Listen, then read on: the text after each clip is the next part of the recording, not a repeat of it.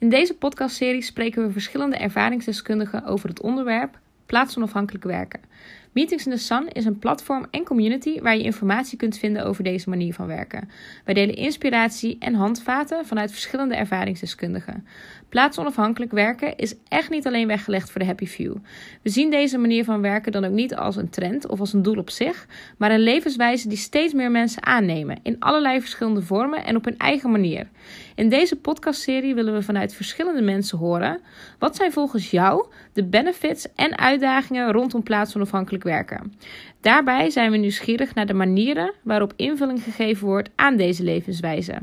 We spreken werkgevers, werknemers en zelfstandig ondernemers.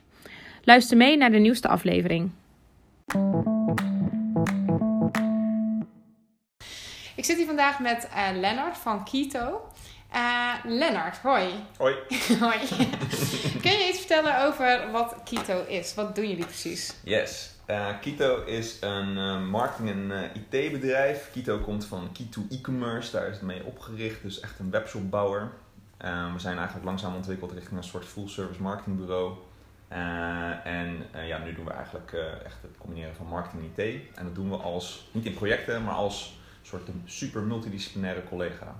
Dus je kan ons inhuren voor uh, een uh, soort Jan Model bedrag per maand. En dan komen wij 16 uur per week minimaal over de vloer. En dan gaan we gewoon alles aanpakken wat aan te pakken is op marketing en uh, IT-gebied. Oké, nou, ik ben hier natuurlijk vandaag omdat wij onderzoek doen naar verschillende bedrijven ja. en hoe zij eigenlijk tegenover plaatsonafhankelijk werken staan. Um, voordat ik vragen ga stellen over hoe Kito hier tegenaan kijkt, ben ik eigenlijk ook wel benieuwd hoe jij hier zelf als persoon tegenaan kijkt. Is het iets wat je bijvoorbeeld graag doet of helemaal niet? En hoe? Ja, uh, yes, hoe? Um, ja, ik ben wel een beetje een, een huismus. Um, uh, maar ik vind het wel heel erg fijn om heel veel vrijheid te hebben. Dus um, zelf werk ik in principe wel waar ik wil. Maar ik ben wel vaak op kantoor omdat ik het toch wel fijn vind om mensen om me heen te hebben waar ik, waar ik samenwerk. Uh, maar je ziet mij ook wel eens thuis of op het strand uh, of uh, in een café werken. Ja, gewoon een laptopje mee ga met die banaan. En wat is dan de reden waarom je de, dat dan toch ooit wel opzoekt? Um, soms heb ik even, die, even een andere omgeving nodig om even mijn hoofd even ergens anders te hebben dan de soort van dagelijkse meuk. En als je dan even ergens anders bent, bijvoorbeeld op het strand of in een café of zo, dan kan je toch even, heb even andere omgeving, even andere impulsen. En ja, je werk wordt wat creatiever of zo. Ik weet niet uh, wat dat doet. Maar het is wel wat fijner. Ja, je moet wel een beetje lachen. Want uh, als je zegt op het strand, bedoel je dan echt dat je op het strand werkt? Want wij zeggen altijd zo'n, uh, ja, mensen die op het strand werken, die werken niet echt daadwerkelijk op het strand. Er zit allemaal zand tussen je laptop en allemaal zon op je scherm. Okay. Super irritant. Niet echt in het zandstrand, maar in gewoon lekker zo'n strandclub met Ja, precies. Oké. Okay, ja, ja, ja, hebben of zo. en dan ja. drankje erbij, precies, lekker uitzicht op de zee, heerlijk. Oké, okay, oké, oké. Dames in bikini. ja, ja, ja. Oké, um, nou, ik ben hier dus inderdaad vandaag omdat uh, ja, ik zag jullie staan um, uh, in volgens mij het AD um, over jullie salaris-app, waar best wel een tijdje wat commotie om me heen was. Daar yes. wil ik het straks natuurlijk uitgebreid over hebben. Um, maar uh, voordat we daar naartoe gaan, ben ik ook wel benieuwd hoe staat Kierto dan tegenover plaatsonafhankelijk werken? Ja, helemaal open. Dus wij zijn heel erg voor alle vrijheid voor waar je werkt, wanneer je werkt en hoe je werkt. Dus ja, dat is precies ook, uh, we don't care. Hè? Zolang ja. de klanten en collega's uh, blij zijn, mag je van ons alles doen wat je wil. Ja, dus het is eigenlijk heel erg outputgericht en hoe je het doet uh, maakt eigenlijk geen reet uit. Precies. Dus als je lekker thuis wil werken, go ahead. Als je, we hebben een aantal collega's natuurlijk met kinderen, ja, die gaan gewoon lekker thuis zitten met hun kind erbij en prima. En kan het dan ook ooit zo voorkomen dat als jij zegt van joh, ik wil een half jaar al reizende werken of ik wil vanuit Colombia werken, dan kan dat? Ja, in principe wel. Um, uh, want we hebben ook hier bijvoorbeeld ook nog zoiets als onbeperkt vakantiedagen. Uh, maar als je inderdaad ver weg wil uh, werken, dan is dat zeker een mogelijkheid. Alleen ik denk dat het niet zo snel gaat gebeuren hier.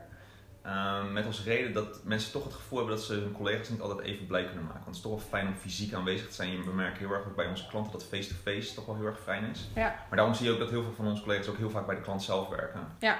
Maar naar, heel, naar echt naar buitenland en daar gaan werken, dat Ja. ik ze nog niet zien doen. Misschien als ze gaan vragen, wie weet wat er gaat gebeuren. Ja, het is wel grappig dat dat dan toch eigenlijk voor heel veel mensen toch wel echt een drempel is. En Ja. dat, dat, dat de mensen dan toch wel vooral denken in onmogelijkheden. Zo van, oh ja, de, dat, dat kan niet, of dat is Ja. onhandig, of dat, eh, dat is niet goed. Of, Ja, dus zelfs, zelfs in een bedrijf als, als dit, waar het heel erg vrij en open is, eh, denk ik dat.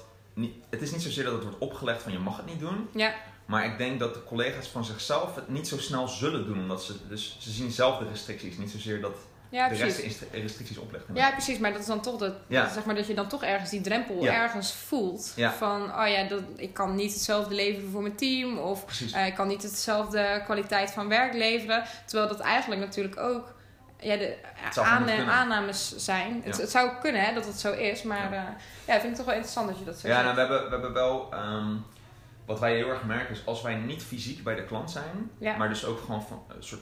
eh, Dat is dan niet helemaal remote natuurlijk, maar gewoon vanuit hier, vanuit het kantoor werken en niet zo heel erg vaak naar de klant gaan, dan zie je echt, ook al is de communicatie heel goed, we doen Slack, we doen Skype, van alles, dan zie je toch dat, het, ehm, dat de samenwerking lastiger gaat op een Ja. of andere manier. Op een of andere manier is die fysieke. Je hebt ooit van die touchpoints nodig. Ja. dat En, is en, en als dat, eh, weet je wel, één keer in zoveel tijd is prima. Dus je kan in de tussentijd kan je wel de hele tijd weggaan. Maar ik denk dat een half jaar bijvoorbeeld al. Ik persoonlijk zou denken dat dat best wel veel is. Ja, dus dat het, dat het lastig wordt. Oké, en eh, dus je, zei, je gaf net aan, we geven de vrijheid ehm, eh, qua plaats, tijd en eh, wat zijn er nog? Zwaar wanneer en hoe. Waar, maar wanneer ook en zelfs wat je doet, mag je bepalen hier. hoe? Dus de dienstverlening kan hier ook nog wel eens veranderen. En dat gebeurt dus ook wel eens. Dat sommige mensen, sommige mensen switchen hier gewoon opeens van rol. ja, Dus zeggen gewoon oké. ehm, vandaag ben ik bakker. Ja, nee, seriously. Als je, daarmee nog, als je daarmee je klanten en je collega's blij houdt, fine. Als je hovenier wil worden, doe het. Weet je wel, I don't care. Eh, En we don't care. Eh, Maar hoe, hoe da- maar oké, eh, dan ga ik toch even advocaat van de Ja, duivel. Want hoe werkt dat dan? Want als, stel dat ik nou echt zou zeggen, ik werk hier en ik ben projectmanager. En ik zeg, oké, ik wil nu hovenier worden. Ja. Maar ik wil wel bij jullie blijven werken. Ja. Hoe is dat interessant voor jullie?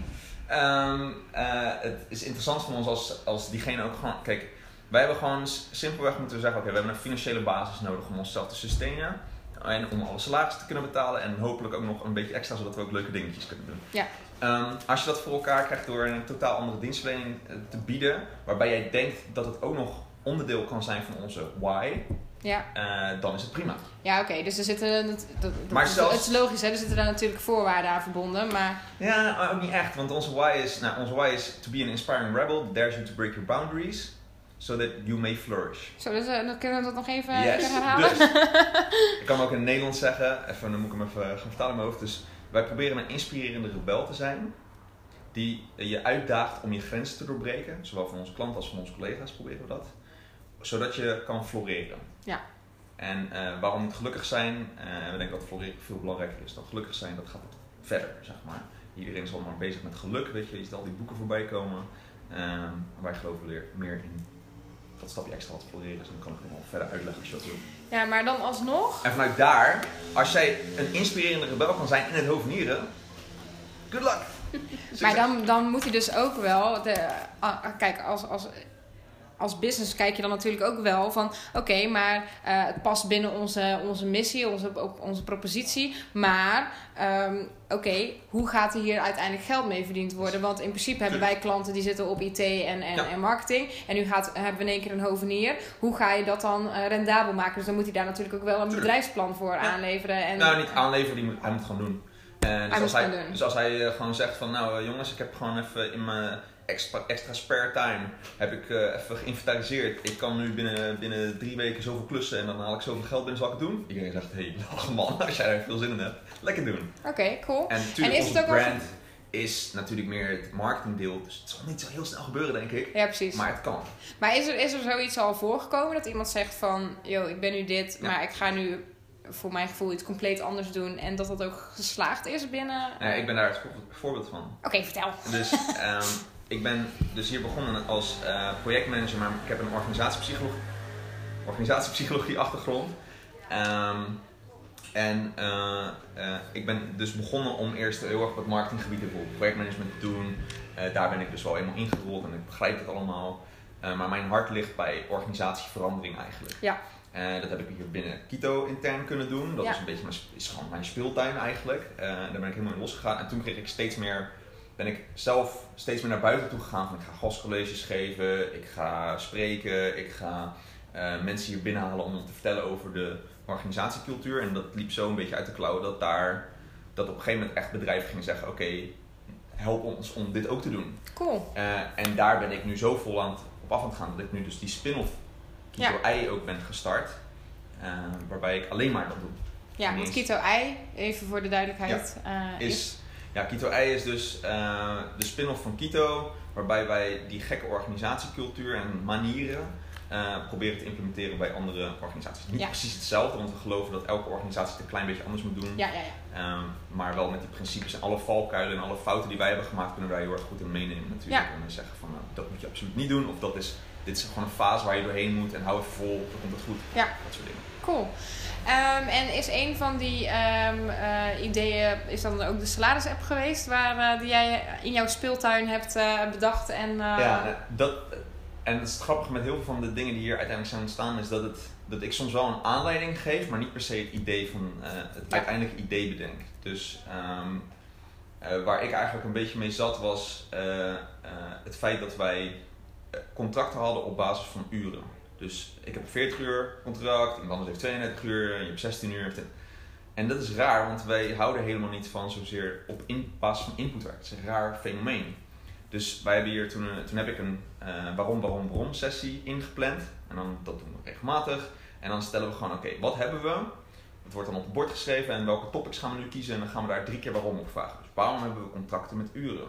Nou, probeerde iemand daar een antwoord op te geven. Ja, dat is omdat we ehm, daarmee goed de salaris kunnen vergelijken. Ja, maar waarom is het dan precies op uren? Want dat is toch input en niet per se output. En waarom is zo? Ja. Nou, uiteindelijk komen we er op een gegeven moment na drie keer waarom kom je er op een gegeven moment niet meer uit. Dan zeg je ja, dit is eigenlijk gewoon omdat het altijd al zo gegaan is. En iedereen denkt dat dit de meest eerlijke manier is om salarissen te verdelen. ja. Maar is dat het dan echt? Kan het niet anders? En toen gingen we nadenken en eigenlijk de hele groep kwam toen met, nou dan moeten we dus op output. Hoe gaan we dat in hemelsnaam op output doen? Ehm, want we hebben hier Diana, die is 57, doet financiële administratie. En we hebben Kevin, dat is de nerd, die eh, de hele tijd achter de computer de code aan het schrijven is. Hoe ga je hun output vergelijken? Dat is bijna Ja. niet te doen. Ja. En, en voor de een geldt ehm, bijvoorbeeld dat ik energie geef of mijn leiderschapskills of whatever. En voor de ander geldt gewoon dat hij heel erg veel en snel code tikt. Of de ander geldt weer wel dat hij uren moet maken om eh, zijn ding te doen. Het is allemaal heel vaag. Ja. Ehm, en toen kwam iemand met het briljante idee van zullen we gewoon alles doen op gevoel. Eén scoren. Dus one score to rule them all. Eh, en, eh, en dat is dan gevoel of sentiment. En toen zei iedereen ja, vet. Eh, en toen hebben we daar eigenlijk de app op ingebouwd. ja, want vertel eens over, iets meer over de app. Die, die eh, download je op je telefoon en Yes. dan? En dan, eh, nou, je opent hem, je logt in eh, als jou. ehm, en eh, dan zie je eigenlijk een lijst met alle collega's staan. Ja. Dus alle collega's zitten erin. Ehm, en de, je klikt er dan bijvoorbeeld op één als je diegene wil beoordelen. En dan staat er een soort, eh, soort schuifbalkje. En die schuif je van de ene naar de andere kant. En je kan er een opmerking onder plaatsen. Oké, en ehm, eh, doe je dit elke maand bij al je collega's? Nee, dus je mag. Dus, dus de, we willen het ook niet een bureaucratisch systeem maken. Je, je kan elke dag beoordelen. Je kan ook iedereen beoordelen. Maar het hoeft niet. Ja. Eh, dus ehm, als je eenmaal een score hebt gegeven, blijft die staan totdat je het verandert. Ja. En dat systeem trekt elke Ah, dag oké, de ja. score eruit. Eh, en gaat dat optellen over de hele maand heen. En zegt dan, oké, tjak, maand is voorbij. Dit is je gemiddelde score. Eh, dit is, en het gaat helemaal op basis van de verhouding ten opzichte van de andere collega's. Ja, precies. Dus het gaat niet zozeer om waar ik het schuifbalkje zet ook. Het gaat om hoe ik dat schuifbalkje zet in verhouding tot anderen. Ja, oké, precies. Dus ehm, eh, stel ik heb een team van, eh, van tien. En ehm, ik vind ehm, meneer A, vind ik zeg maar eh, de meest valuable. Ja. Dan schuif ik die volledig open. En vanuit dat punt ga ik dan eigenlijk de rest Ja. beoordelen ten opzichte van degene die ik het meest... Je kan een soort ankerpuntje gebruiken. Ja. En, en dus wat we ook doen is, we doen, dus alles is op basis van een normaalverdeling. Ehm, dus allereerst misschien ben jij wel een heel positief... In, jij bent een hartstikke positief ingesteld persoon, Alex. Zeker. En dus zal jij iedereen heel erg hoog willen scoren. Hè? Dus je hebt dat schuifbalkje kan helemaal naar rechts. Dat is het meest... eh, Ik ben ook heel kritisch hoor, dus... eh, Oké, oké, maar toch ga je iedereen, Ja, eh, je wil iedereen een soort van achters, negens en tientjes geven. Nou, dat Ja. doe je dan. En ik ben bloody negatief. Ja. En ik vind iedereen op de, ik geef iedereen zelfs een min 10 en min 8 en min 9. Nou, en dan wat we dan doen is zeggen, oké, maar jouw, mijn min 8 is basically hetzelfde als jouw 10. ja, ja. Dus precies. wij gaan daar ook een normaal verdeling in plaatsen en die overlappen we dan, zeg maar. En daar, op basis daarvan krijg je dus een score. En het grappige is, wat, we dus, wat we dus daar verder uit hebben bedacht, is... Oké, we gaan dus elke maand gaat je salaris veranderen op basis van die score. Maar dan kunnen we het ook nog eens eh, laten samenhangen met de omzet en de kosten die we hebben. Dus hoe de app werkt is, je hebt, we gaan eerst een salarispot opmaken. Dat doen we, dit is de omzet van de maand. Eh, wat zijn de vaste kosten van de maand? Hè? Kantoorpand, bier, Ja. dat we heel veel drinken, oké. Dat Eh, dat, dat gaat eraf. Niks meer over. Right? Juist. En als er dus heel weinig over is, krijgt, is de salarispot heel laag. En de salarispot wordt dus verdeeld over de mensen. Dus dat betekent inderdaad dat als we inderdaad heel veel bier drinken, dan heeft iedereen minder salaris. Ja. En als we heel weinig bier drinken, heeft iedereen wat meer. En als we met z'n allen meer omzet creëren, als groep zijnde, krijgt iedereen meer salaris die maand. En dat zorgt, en wat we ook nog eens doen, is een extra arbitraire marge erbij stoppen, een soort van onze reservepot. Zeg bijvoorbeeld 10% van de omzet. Mocht het dan een maand echt shit zijn en iedereen een klote salaris krijgt, dan kunnen we ook die marge een keertje omdraaien, dat we zeggen min 10%. En dan krijgen we, dan wordt die salarispot zeg maar eh, omhoog gekrikt. Ja. En die wordt dus verdeeld over de mensen. En wat we dan ook nog eens doen, is we zeggen, oké, we hebben een minimum inkomen wat 600 euro bruto is. Dat is echt Ja. super laag. Ja. Maar daar houden we rekening ook met de mensen die nu parttime werken, 16 uur bijvoorbeeld. En die verdienen nu rond de 700, 800 euro bruto. Dus die moeten ook een beetje kunnen schommelen uiteraard. En dan hebben zij, zijn zij ook meegerekend. Ja. Dus we schaffen dan gelijk ook contracten met uren af. Ja. In dit hele verhaal. Want het maakt niet meer uit of je 16 uur of 40 uur werkt. Het gaat erom wat je hebt gedaan en hoe mensen het gevoel hebben hoe goed je het doet. Dus je kan als 16 uur, je kan maar twee dagen hier zijn en alsnog een salaris als een fulltimer bijna gaan verdienen. Ja, omdat je dus in die, in, die, in die twee dagen kun jij hetzelfde werk met hetzelfde sentiment neerzetten Yes. als iemand die daar 40 uur voor nodig is en die nog aan het leren is bijvoorbeeld en veel foutjes maakt. Yes. Dat is het idee. En wat het ook doet, en dan eh, een mooie brug naar eh, jullie van lekker vrij en werken waar je wil, is dat je dus ook de vrijheid hebt om te zeggen: Oké, en nu ga ik bijvoorbeeld twee maanden weg. En dan weet je dat je waarschijnlijk die 600 euro bruto gaat vangen en niet zoveel meer. Dus je kan schommelen opeens van naar, naar bijvoorbeeld 3000 bruto opeens terug naar 600. Dat kan in een maand gebeuren. Ja. Eh, en ook weer terug weer. Dus het is alleen maar hoe je jezelf erin staat. Ja, en het zou ook nog kunnen zijn dat je, dat je eigenlijk dan op de koop toeneemt dat je dan eh, laag beoordeeld gaat worden. Yes. Eh, maar eh, dat je er ook van alles aan kunt doen om die beoordeling en dat sentiment dus hoog te houden Yes. op het moment dat je inderdaad twee maanden, drie maanden, zes maanden weg bent. Omdat je gewoon zorgt dat jij een structuur maakt van ehm, eh, Ja. waar, waarin jouw collega's eigenlijk met jou meegaan. Of dat je zeg maar zorgt dat je elke dag een Skype moment inplant, zodat het toch het gevoel geeft dat je er wel bent. Oké, super interessant. We hadden nog wel een paar, eh, vooral jouw vrienden waren hier heel kritisch over. Hè? Wat hadden die, Ja, ook weer voor, klopt. wat hadden die ook weer voor kritische vraag? Eh vriendspolitiek. Ja, Ehm, hoe... Vriendspolitiek. Ja, hè? dat is eh, natuurlijk een van de meest gevreesde inderdaad. Ehm, eh, wat, wat de app doet is, de app is volledig transparant. Dus dat betekent dat ik niet alleen kan zien wat mensen aan mij geven qua scoren, of wat ik aan anderen geef, maar ik kan ook zien wat eh, Pietje aan Klaasje geeft. En als Pietje een asshole is tegen Klaasje, eh, dan, eh, terwijl Klaasje hartstikke goed zijn best doet, maar hij krijgt een super slechte score van Pietje, dan kan ik zeggen, Pietje, wat ben jij nou aan het doen? You go down. Eh, en het feit dat dat Ah. en dat klinkt heel, best wel Engels, maar het feit dat je dat weet dat het kan gebeuren, zorgt ervoor dat het überhaupt niet gebeurt. Dus dat het, iedereen een beetje maar- de toon gehouden wordt. ja, het is een soort sociale controle die er dan optreedt door de transparantie die er is. En zal iedereen dus het zo eerlijk mogelijk proberen in te vullen. We zeggen ook van, we hebben het ook geframed als, het gaat er ook om dat je jezelf bent. Als mensen niet helemaal zichzelf zijn en zich gaan voordoen als popiopie omdat ze een hogere score willen halen, dan kunnen we zeggen, ja, maar wat ben jij nou aan het doen? Doe het voor normaal man, you go down again, weet je Ja, wel? ja, dit is nep gedrag. Dit herkennen we niet van je. Dit vind ik raar. Ja, dit is Ja. raar, dus je gaat eh, nu een, een stapje naar beneden. Daar kan dus ook op beoordeeld worden. En het feit dat het helemaal zo open is, zorgt eigenlijk voor dat vriendjespolitiek eigenlijk ook een beetje... Weet je waar ik een beetje aan moet denken? Ik moet een beetje denken aan, ik weet niet of je hem hebt gezien, maar die aflevering van Black Ja, Mirror. tuurlijk, ja. Ja, waarbij zeg maar, Ja. iedereen de hele tijd gereed wordt Yes. op basis van hoe aardig en hoe leuk Ja. die is. Ik zou me best wel kunnen voorstellen dat als je zeg maar ehm, eh, heel erg bewust bent van dat je ehm, moet presteren, aardig moet zijn, eh, goed in het team moet liggen. Dat je dat ook, ik, ik merk ook van mezelf van ja, ik ben best wel een streber. Als dit zeg maar bij mij in het team zou zijn, zou ik aan de ene kant rete interessant vinden. Aan de andere kant denk ik ook, ik weet niet hoe het mij zou beïnvloeden als mens. Ja. hoe, Ja. hoe ga je daarmee om? Ja, daar, is, daar is dus dat, daarom is het ook nog een experiment. En we moeten dus ook kijken hoe dat. Want wij kennen die Black Mirror aflevering. Dat is ook het eerste wat wij zelf zeiden. Oké, toen we dat eh, gingen. Zo, oh, dit is wel heel Black Mirror, oké. Ehm, maar daarom is de transparantie wederom belangrijk. Want dat heb je dus in Black Mirror niet. Eh, dat je ziet wat. Je ziet wel dat je zelf van iemand anders een slechte score krijgt. Maar andere mensen zien dat niet per se dat diegene dat heeft gedaan. Dus, en wij eisen eigenlijk ook dat je dus zo eerlijk mogelijk bent. Eh, en ook dat je niet te gek doet. Dus wat, wat hier bijvoorbeeld gebeurt, is wij hebben eh, onbeperkt vakantiedagen dus. Het grappige is dat er precies dus het tegenovergestelde gebeurt. Dat heel veel mensen denken, ah iedereen gaat op vakantie. Nee, mensen gaan hier zelfs te weinig. En wij moeten letterlijk mensen op vakantie schoppen.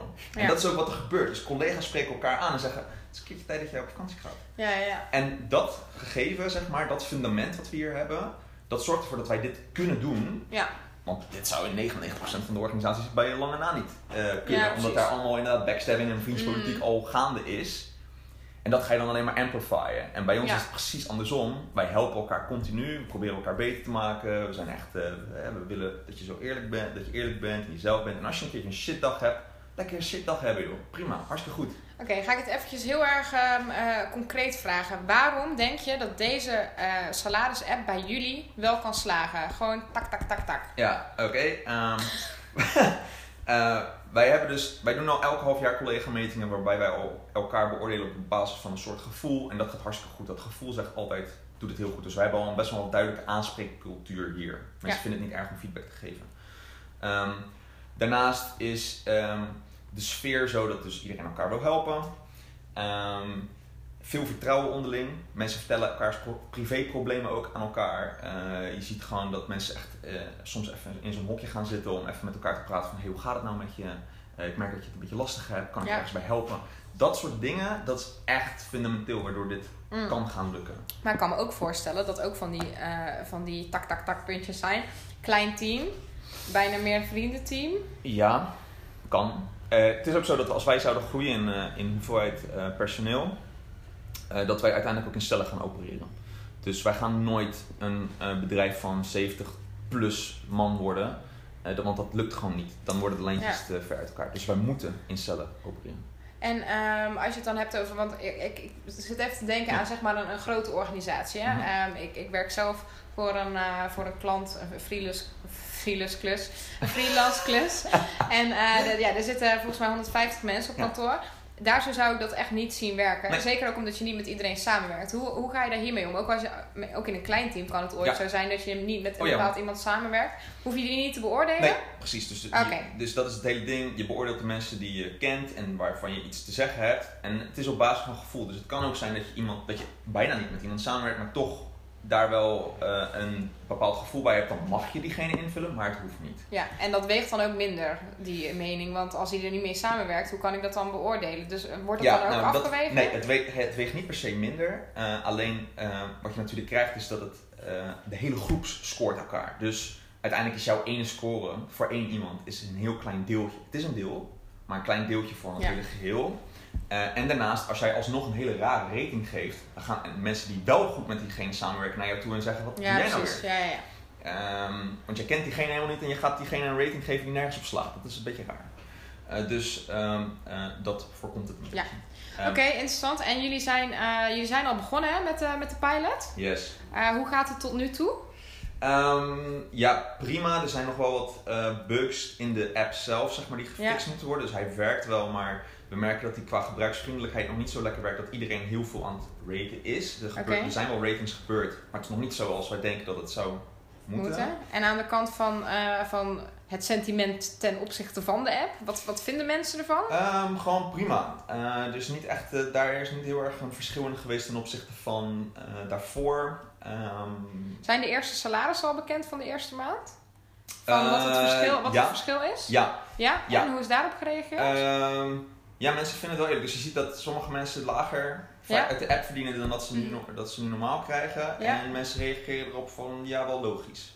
Oké. Eh, en eh, andersom ook. Dus dat, ja, op een of andere manier is dat wel tof. En wat, je wel, wat ik wel zag in de eerste weken was wel interessant, is dat ehm, sommige mensen die gaven elkaar dus een rating eh, die bijvoorbeeld wat lager was, waarbij ze nooit direct met elkaar hadden gesproken. En die gingen elkaar dus nu aanspreken. Dat is ook een beetje het doel van dit ding. Ja, ja, ja, ja. Is zo van, die ene kwam zo van, je hebt mij echt een lage score gegeven. ehm, maar ik snap echt niet hoezo. Eh, Ja, ja. dus wil je het even uitleggen?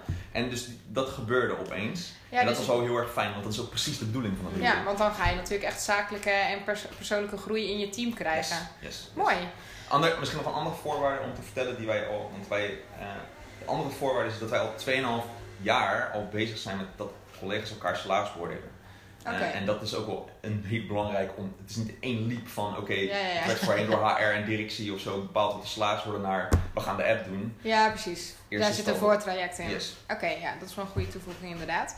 Ehm, ik ben ook nog wel benieuwd, eh, wat zijn volgens jou voordelen om zoveel vrijheid en verantwoordelijkheid bij werknemers te leggen? Wat, wat zie je daarvoor terug? Ja, Eh, als je gewoon kijkt naar een wetenschappelijk onderzoek naar bijvoorbeeld bevlogenheid, dat is, daar ben ik trouwens ook op afgestudeerd en bij de Erasmus. Universiteit wordt daar heel veel eh, aandacht ook eh, op gelegd. Ehm, eh, bevlogenheid is beter dan werknemerstevredenheid. Bevlogenheid is een staat waar je in kan zijn die is positief en actief. En wat is daar een van de allerbelangrijkste dingen die dat, die dat creëert, is autonomie. Dus zoveel mogelijk vrijheid hebben in waar, wanneer en hoe je werkt. Ehm, en dan trekken wij het zelf nog door naar wat je zelf doet. Dat hoeft dan per se. Eh, maar wij denken dat dus die vrijheid geeft eigenaarschap. Hè? Ja. Je hebt het gevoel dat het van jou is, want je mag zelf bepalen hoe of wat. En door die eigenaarschap voel je meer verantwoordelijkheid, ga je dus ook beter presteren. Dus het werkt both ways. Je voelt jezelf lekkerder, want het is van jou. Het is je eigen dingetje, je eigen projectje. En tegelijkertijd eh, ben je zo verantwoordelijk dat je prestatie ook nog zo hoog wordt. Dus ook nog eens goed voor de organisatie. Win-win. Ja. Eh, en ik, eh, Nou, als, je het, als je het zo simpel zegt, dan is eigenlijk de enige vraag die ik hier, hierop kan stellen. Als het zeg maar zo bewezen is dat bevlogenheid ehm, eh, zoveel effect heeft op werknemers dat hun ehm, eigenlijk prestatie beter wordt, waarom doen dan niet alle bedrijven dat? Ja. Eh, en dat is, eh, is omdat we het altijd al anders hebben gedaan. Mensen kijken nog steeds naar Ford en als, als iemand met de lopende band die eh, dat op een bepaalde manier deed wat wij nog, waar wij nog steeds in geloven, soort van, terwijl het echt allemaal bullshit is. Zelfs Ford wist dat het een beetje mensonterend allemaal was door mensen zo. eh Hebben ze dat gezegd? Is dit een quote? Want- dit is bijna echt een quote, ja. Eh, en, eh, en Taylor, zeg maar, Frederik Taylor, die heeft toen in eerste instantie dat lopende bandprincipe bedacht. Die heeft letterlijk ergens in zijn boek staan: dit is, als je dit doet, gaat de ziel uit de mens. Dit is letterlijk wat hij heeft gezegd. Oké. Dus, eh, en dat is wat heel veel bedrijven nog steeds doen. Maar waarom, vinden ze het, waarom zouden ze niet overstappen naar die vrijheid? Is omdat ze bang zijn om controle te verliezen. Ja, angst. Het is echt angst. Het is voor, zelfs voor de, eh, de twee oprichters hier is het nog steeds eng om zoveel mensen zoveel vrijheid te geven. Omdat soms er ehm, kant op wordt gegaan waarbij zij denken dat is echt freaking dom.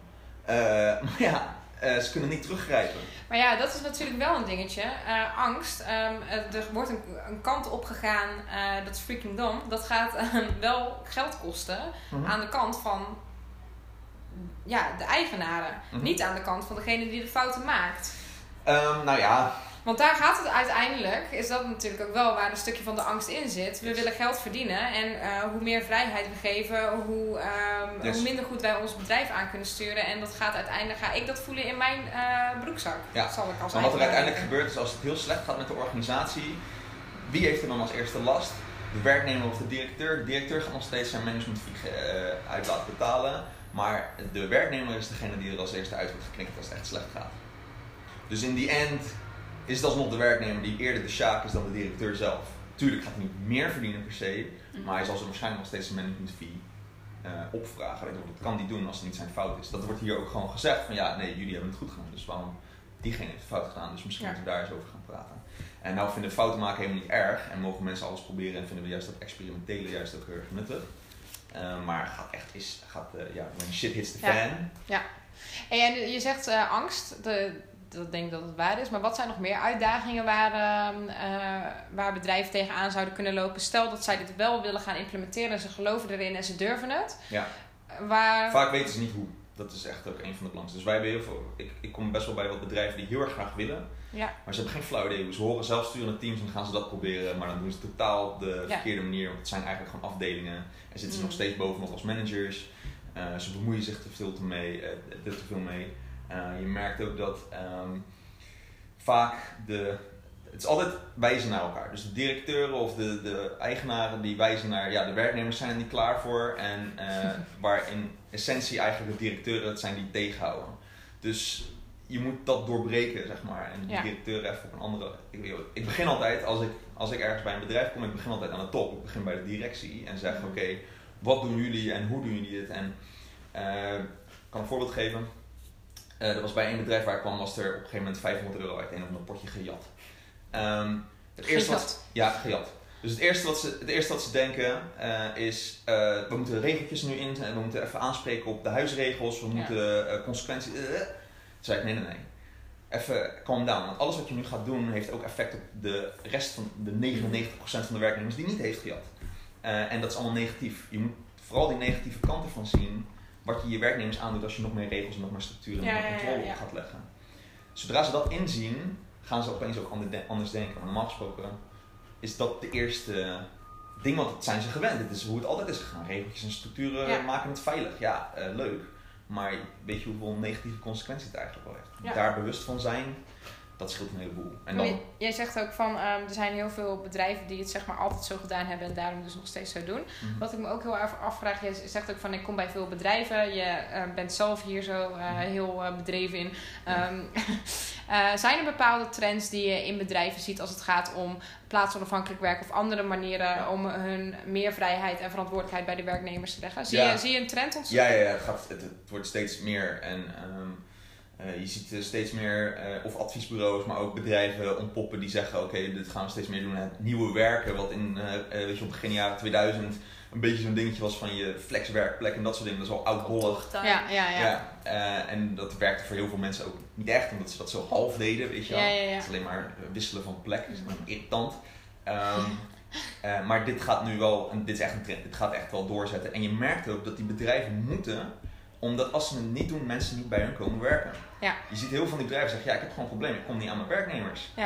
En dan zeg ik, ja, eh, dus dan zeggen ze, dan kan je een werkgeversmarketing, kan je dat eh, opzetten? Ja. Eh, en dan zeg ik, ja, nou weet je wat, zullen we gewoon eens even heel je organisatie aanpakken, want anders heb ik niks om Ja. over te markten, zeg maar. Dan komen ze wel binnen, maar dan zijn ze over drie maanden zijn ze weer weg. Ja, want dan denken ze, wat is dit voor onzin? En dus ze, ja, al die bedrijven die voelen dat ze moeten veranderen naar open en vrijheid. En Denk je dat dit dan ook de norm gaat worden? Dat het geen trend is, maar meer een... nou, zo extreem als Quito is, ehm, eh, ik hoop dat het ooit de norm, dat wij niet heel raar meer zijn, zeg maar. Ja, bijzonder. en dat is ook een beetje mijn missie om daarvoor eh een, een te zijn die daarvoor zorgt of helpt te zorgen. Ehm, eh, maar het gaat nog wel even duren, maar yes, het gaat wel die, kant op, ja. Oké. Die bedrijven die nog zo traditioneel aan de regels en bureaucratie, they're not gonna last. Dat is echt gewoon de Ja. dode opgeschreven op termijn. Ja. Oké, en ehm, wat is dan, eh, om af te sluiten, ehm, een laatste tip voor al die bedrijven die wel willen, eh, maar nog niet weten hoe? Wat is de eerste stap? De eerste stap is praat met je werknemers en eh, vraag hun wat ze nou echt willen. Want het hoeft niet per se zo te zijn dat je heel veel structuren loslaat, et- et cetera. Maar vraag eens een keertje wat ze echt, echt willen. En ga naar het diepere belang. Niet zo van, oké, eh, wil je nog wel structuur? Weet je, en dan zeggen heel veel, ja, ik vind het wel fijn om te weten wat ik moet doen. Ja, oké, nee, maar wat wil je echt? Weet je, waar doe je het voor? Doe je het voor het geld? Maar wat wil je dan met het geld kopen? Eh, en wat zit daar dan achter waarbij ik jou kan faciliteren in je werk? Om dat Ja. al gelijk te hebben in plaats van dat je moet wachten tot je je salarischeck hebt of pensioen, met pensioen gaat. Ja, ja, ja. Oké, En gewoon doen.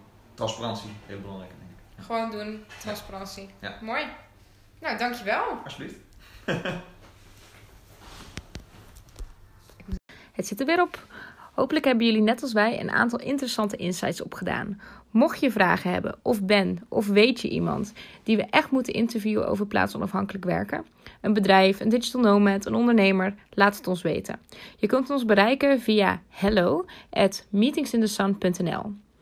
Wat ik nog heel graag met je wil delen, is dat we vanaf volgend jaar workations gaan organiseren. Trips met een sterke focus op business, gecombineerd met de fijnste aspecten van een vakantie. Er zal een business coach meegaan, je gaat werken aan de next steps in je business en we gaan verschillende lokale en internationale ondernemers ontmoeten. De eerste zal zijn volgend jaar mei en gaat naar de Mother City Kaapstad. Voor meer informatie hierover en onderwerpen zoals werken vanuit het buitenland, klanten vinden in het buitenland en de stappen die je moet nemen richting plaatsonafhankelijk werken en nog veel meer vind je op www.meetingsinthesun.nl. Verder kun je ons vinden en volgen op Instagram en LinkedIn. Bedankt voor het luisteren en tot de volgende!